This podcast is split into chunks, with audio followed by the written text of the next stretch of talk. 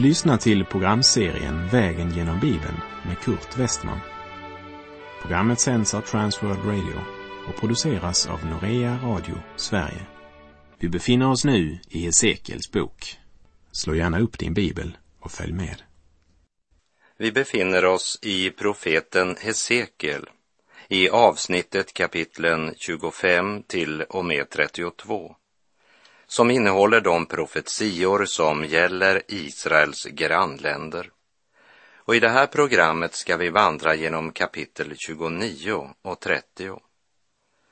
Många konservativa bibelkommentarer ser profetian mot Egypten som den mer intressanta än profetian mot Tyrus. Men jag måste erkänna att jag inte delar den uppfattningen. Profetiorna mot Tyrus är högst anmärkningsvärda, liksom även profetiorna mot Egypten är intressanta. Och i det 29 kapitlet finner vi en profetia som är väl värd att ge akt på. Egypten var en av antikens stormakter och har inte blivit ödelagt, men har bevarat sin integritet som nation och folk ner genom historien. Egypten behövde inte några enorma försvarsmurar eftersom öknen trots allt utgjorde en bra försvarszon. Det fanns bara en framkomlig väg och det var via Nilflodens dalgång. Så Egypten behövde bara sätta upp en bra försvarslinje där. Det var inte nödvändigt med försvarsmurar. Nu förkunnar Herren att Egypten ska föras bort i fångenskap i 40 år. Det är Gud som dömer en av världens stormakter.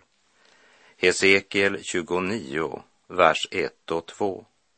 I det tionde året på tolfte dagen i tionde månaden kom Herrens ord till mig. Han sade, du människobarn, vänd ditt ansikte mot farao, kungen i Egypten och profetera mot honom och mot hela Egypten. Om vi ser tillbaka på de tidigare profetiorna som innehöll Guds dom över Ammon, Moab, Edom, Filisteerna, Tyrus, Sidon och nu Egypten, så är Egypten den sjunde av Israels grannländer som döms av Gud. Sjutalet är ett symboliskt uppenbarelsetal som talar om Guds fullkomlighet. Och domen mot den sjunde nationen, Egypten, består av sju delar som vi snart ska se. Egypten är den sista av Israels grannländer som får sin dom. Egypten var nationen som hade hållit Guds folk i slaveri i flera hundra år. Ändå sökte Israel om och om igen hjälp och stöd i Egypten istället för att sätta sin förtröstan till Gud. Också idag så söker många människor sin hjälp i sånt som står under Guds dom och som inte kan hjälpa inför evigheten. Hesekiel 29, vers 3. Säg, så säger Herren, Herren. Se, jag är emot dig, farao, du Egyptens kung, du stora monster som ligger där i dina strömmar och säger, Nilen är min, jag har gjort den. Du stora monster kunde också ha översatts du feta krokodil. Farao liknas vid krokodilen som säger Nilen är min. Det är väl värt att lägga märke till att man i Egypten tillbad alla slags fåglar, kreatur och insekter. Och även om domen som drabbar Egypten är fruktansvärd så kan man inte undgå att lägga märke till ett stänk av Guds humor eftersom de plågor som drabbar Egypten är relaterade till just det djur som de har avbildat och tillber. Tänk dig till exempel att du tillber Heka, avguden med paddansikte. Och så vaknar du en morgon och badrummet och alla andra rum är fyllda av paddor. Vad ska du göra? Ska du avliva dina gudar? Men jag tror ändå inte att Gud skrattade, men snarare sörjde över att människan hade glömt sin skapare och börjat tillbe skapelsen. Den farao som omtalas här i Hesekiel 29, det är farao Hofra, även kallad Apries på grekiska.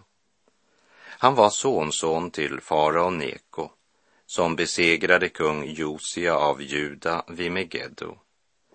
Juda kung Josia blev dräpt under det slaget. Kungarna Jojakim och Jojakin och Sidkia vände sig samtliga till farao Hofra när Jerusalem blev belägrat. Egyptens armé tågade genom Fenicien och tvingade kaldéerna att ge upp belägringen av Jerusalem. Och Jeremia proklamerade denna dom över farao Hofra. Och det återfinner vi i Jeremia 46, verserna 25 och 26. Så säger Herren Sebaot, Israels Gud. Se, jag ska straffa Amon från No, liksom farao och Egypten med dess gudar och dess kungar. Ja, både farao och dem som förlitar sig på honom. Jag ska överlämna dem till de män som står efter deras liv, till den babyloniske kungen Nebukadnessar och hans tjänare. Men därefter ska landet bli bebott som i forna dagar, säger Herren. Det är ganska intressant att det finns så många som kritiserat Hesekiels profetia därför att Egyptens skövling, den kom inte förrän 17 år senare. Men eh, om vi noggrant läser profetian så ser vi att även om profetian förkunnades av Hesekiel vid denna tid så sägs det inte något om en ögonblicklig uppfyllelse. Gud proklamerade att Egypten skulle ödeläggas och det skedde 17 år senare. Lägg märke till vad Gud säger ska hända med Egypten. Hesekiel 29.13 Ty så säger Herren, Herren, när 40 år har gått ska jag samla egyptierna från det folk där de är kringspridda. Och 17 år senare så kom Babels kung Nebukadnessar och förde egyptierna bort i fångenskap och den varade i 40 år, medan Israels fångenskap varade i 70 år, precis som Herren talat genom sina profeter. Vi läser Hesekiel 29, 14. Jag ska göra slut på deras fångenskap och låta dem återvända till Patros land som de härstammar från. Där ska det bli ett oansenligt rike. Och lägg nu mycket noga märke till vad vi läser i vers 15. Ett rike oansenligare än andra riken så att det inte mer skall kunna upphöja sig över folken. Jag ska låta den bli så få att det inte kan härska över folken. Egypten hade varit en verklig stormakt i antikens värld. Deras monument och gravar avslöjar att de på den tiden var en högtstående civilisation. Och idag menar många historieforskare att grekerna fick en stor del av sin information från egypterna. Men nu säger Herren att de ska bli en oansenlig nation som inte mer ska kunna upphöja sig över folken. Och jag kunde inte undgå att tänka på denna profetia när jag för några år sedan besökte en av producenterna för våra arabiska bibelprogram. Man kan inte vandra på Kairos bakgator utan att lägga märke till nöden. Och så tänka på att detta, det har en gång varit en av världens stormakter. Vi läser Hesekiel 29, verserna 19 och 20. Därför säger Herren, Herren så. Se, jag ger Egyptens land åt Nebukadnessar, kungen i Babel, och han ska föra bort dess rikedomar och plundra och ta byte där. Detta skall hans här få till lön. Som ersättning för hans arbete ger jag honom Egyptens land. Ty för min räkning har det utfört sitt verk, säger Herren, Herren. Profeten, han vet något som Babels kung inte vet. Nebukadnessar vet inte att det är för Herrens räkning han har utfört allt det här. Och Gud, han blir aldrig någon något skyldig. Belägringen av Tyrus hade tagit 13 år och kostat mycket. Och det gav dessutom ett magert krigsbyte. Därför ger nu Gud åt Babels kung Egypten och dess rikedomar som ersättning precis som en legosoldat får betalt för sin insats. Det är mer än en människa som genom historien har varit Guds redskap utan att själva vara klara över det. Ja, ibland har de varit Guds redskap mot sin vilja när Gud dömer synden. För Gud dömer synd. Men även Egypten får av Gud löfte att han en dag ska föra dem tillbaka till sitt land som de härstammar ifrån. Fast det i fortsättningen ska vara ett oansenligt rike, så ska de dock ha sitt eget land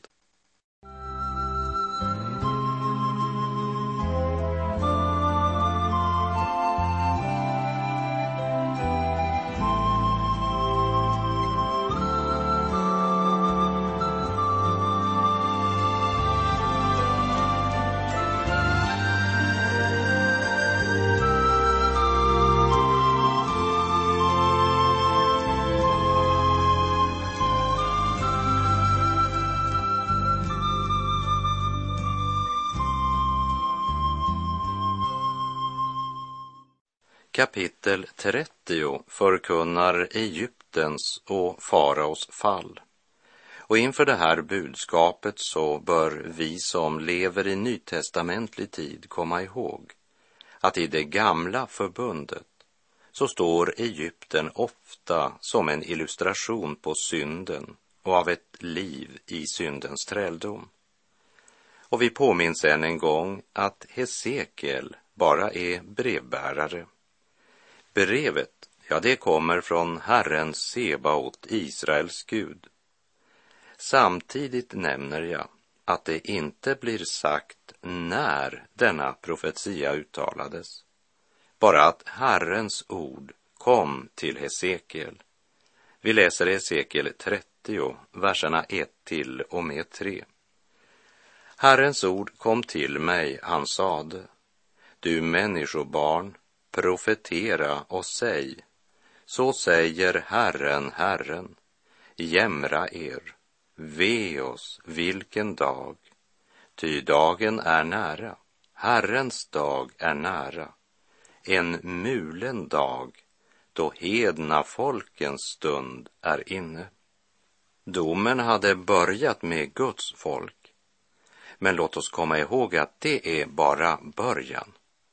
I det nya testamentet skriver Petrus i sitt första brev kapitel 4 och vers 17. Ty tiden är inne för domen och den börjar med Guds hus. Men om den börjar med oss, vad ska då slutet bli för dem som inte lyder Guds evangelium? Hesekiel ropar, dagen är nära då hedna folkens stund är inne. En mulen dag, ja, det är ganska ovanligt på de breddgrader som det här handlar om. Men det påminner människan om att hela universet är under Guds kontroll. Vi läser Hesekiel 30, vers 4. Ett svärd skall komma över Egypten och Etiopien skall gripas av ångest när det slagna faller i Egypten. Dess rikedomar förs bort och dess grundvalar rivs upp. I vissa perioder hade det varit en allians mellan Egypten och Etiopien. Även om det en stor del av tiden rådde fiendskap och krig mellan dessa två nationer. När Etiopien ser vad som sker med deras tidigare så mäktiga grannar så grips folket av ångest. Liksom det för varje människa som vänt Gud ryggen till slut kommer en stund då allt det man stödde sig på rasar samman. Och då följer den ogudaktiga människan med i det raset. Och jag läser verserna 5 och 6 i Bibel 2000s översättning. Män från Kus och Put och Lud, legoknektar från alla håll, Även män från förbundets land skall med dem falla för svärdet, säger Herren. Det som stöder Egypten skall falla, dess stolta styrka blir kuvad. Från Migdol till Assuan skall det falla för svärdet, säger Herren Gud. Inte bara Israel men alla länder som sökte sin räddning hos Egypten ska dömas tillsammans med Egypten. Vi läser Hesekiel 30, vers 12. Jag ska göra floderna till torr mark och sälja landet i onda mäns händer. Genom främlingars händer ska jag ödelägga landet med allt som finns i det. Jag, Herren har talat. Det handlar om floder, bifloder, kanaler och vattningsanläggningar som hela landets välfärd var totalt beroende av. Och vers 13. Så säger Herren, Herren, jag ska också förstöra avgudarna och göra slut på avgudabilderna i Nof det ska inte mer uppstå någon förste i Egypten och jag ska låta skräck drabba Egyptens land. Nof är ett hebreiskt namn för det egyptiska Menofer, en stad på Nilens västra sida sydväst om nuvarande Kairo.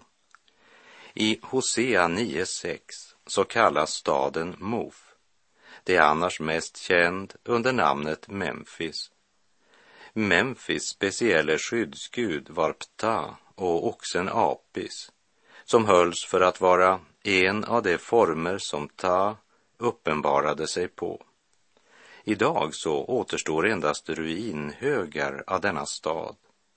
Herren har gjort slut på avgudabilderna i Nof, det ska vara säkert och i enlighet med profetian i Hesekiel 30.13 så finns det inte heller längre någon kunglig släkt i Egypten.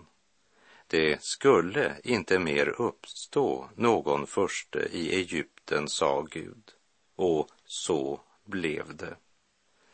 Hesekiel 30, vers 19. Jag ska hålla dom över Egypten och de ska inse att jag är Herren. Att en människa inser att Herren är Gud betyder inte därmed att man omvänder sig till Gud. Det finns många människor i vårt land idag som nog inser att Herren är Gud, men de vill inte överge sina synder. Men Gud låter inte jäcka sig. Om inte förr så ska den ogudaktiga människan på domens dag inse vem Gud är. Men då är det för sent. Och då inser man också att man har bedragit sig själv och att syndens lön är döden.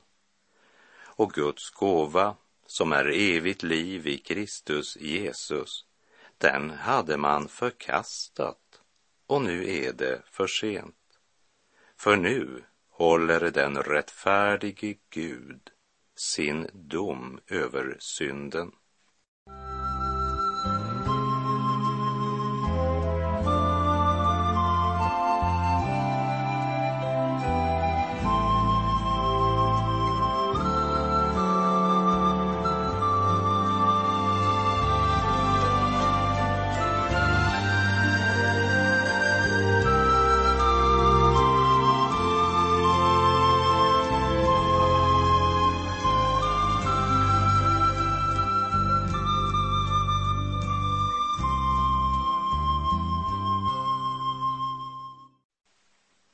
Profetian i verserna 20 till 26 är högaktuell och den är tidfäst till april 586 f.Kr.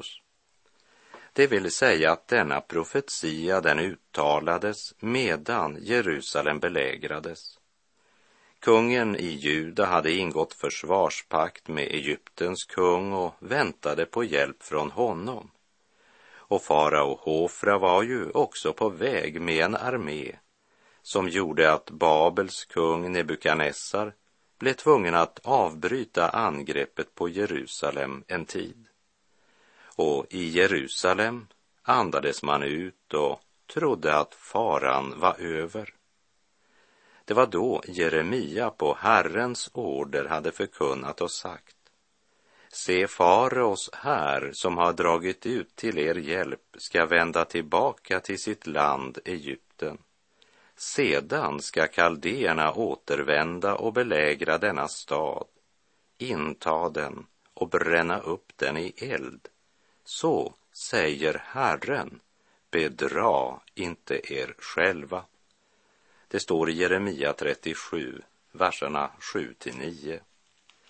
Så både Jeremia och Hesekiel förutsäger vad som kommer att ske. Men det var nästan ingen som lyssnade till Herrens profeter. Det fanns ju så många, många som predikade mycket positivare. Falska profeter och falska herdar förde folket vilse med falsk tröst.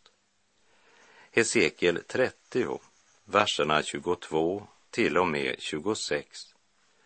Därför säger Herren, Herren så, jag är emot farao, kungen i Egypten, och skall bryta sönder hans armar, både den som ännu är stark och den som redan är bruten, och jag ska låta svärdet falla ur hans hand jag ska förskingra egyptierna bland folken och sprida ut dem i länderna.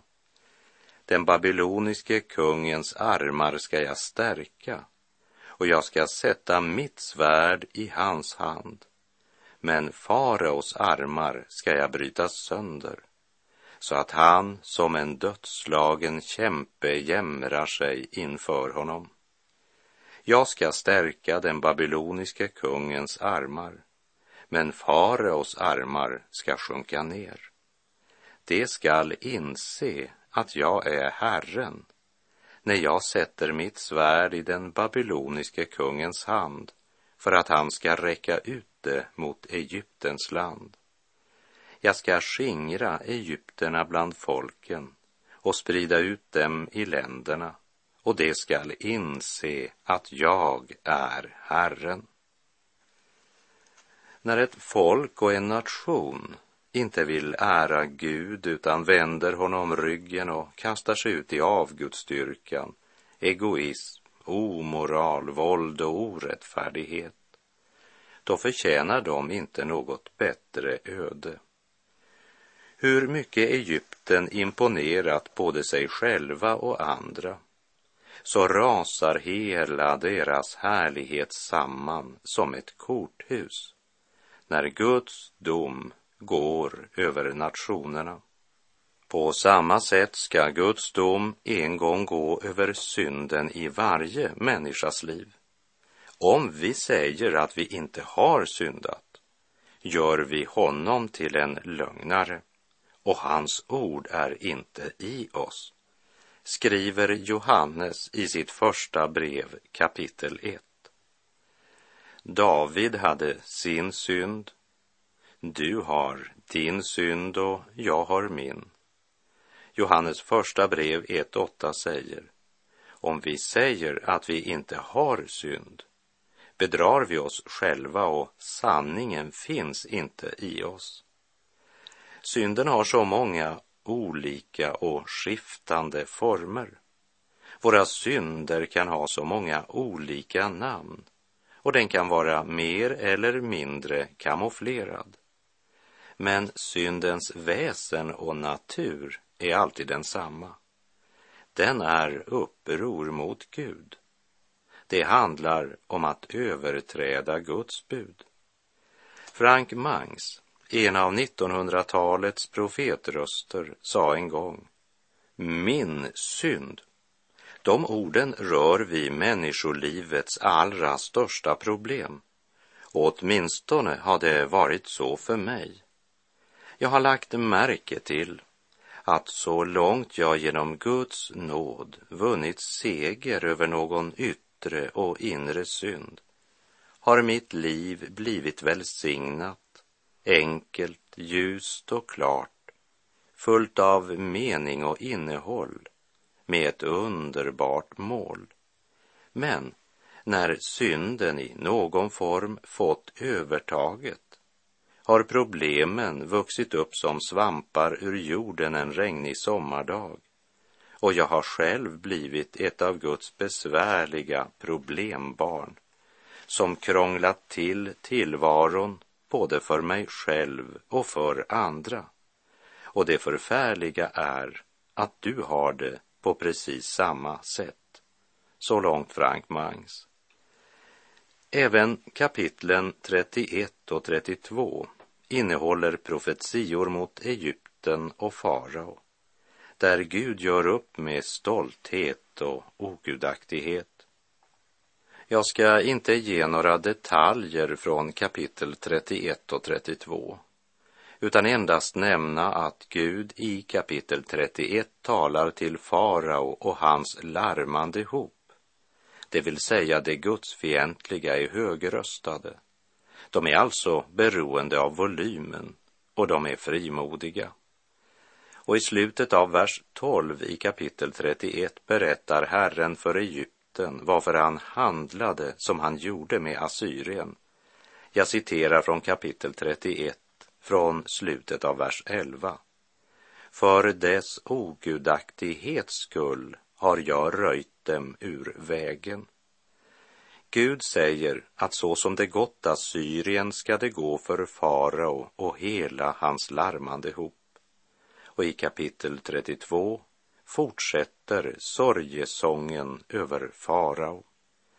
Men med det så är vår tid ute för den här gången så ska vi i nästa program fortsätta från kapitel 33 där temat är Hesekiel som väktare i Israel. Jag säger på återhörande om du vill. Herren vare med dig. Må hans välsignelse vila över dig. Gud är god. Du har lyssnat till programserien Vägen genom Bibeln med Kurt Westman som sänds av Transworld Radio. Programserien är producerad av Norea Radio Sverige.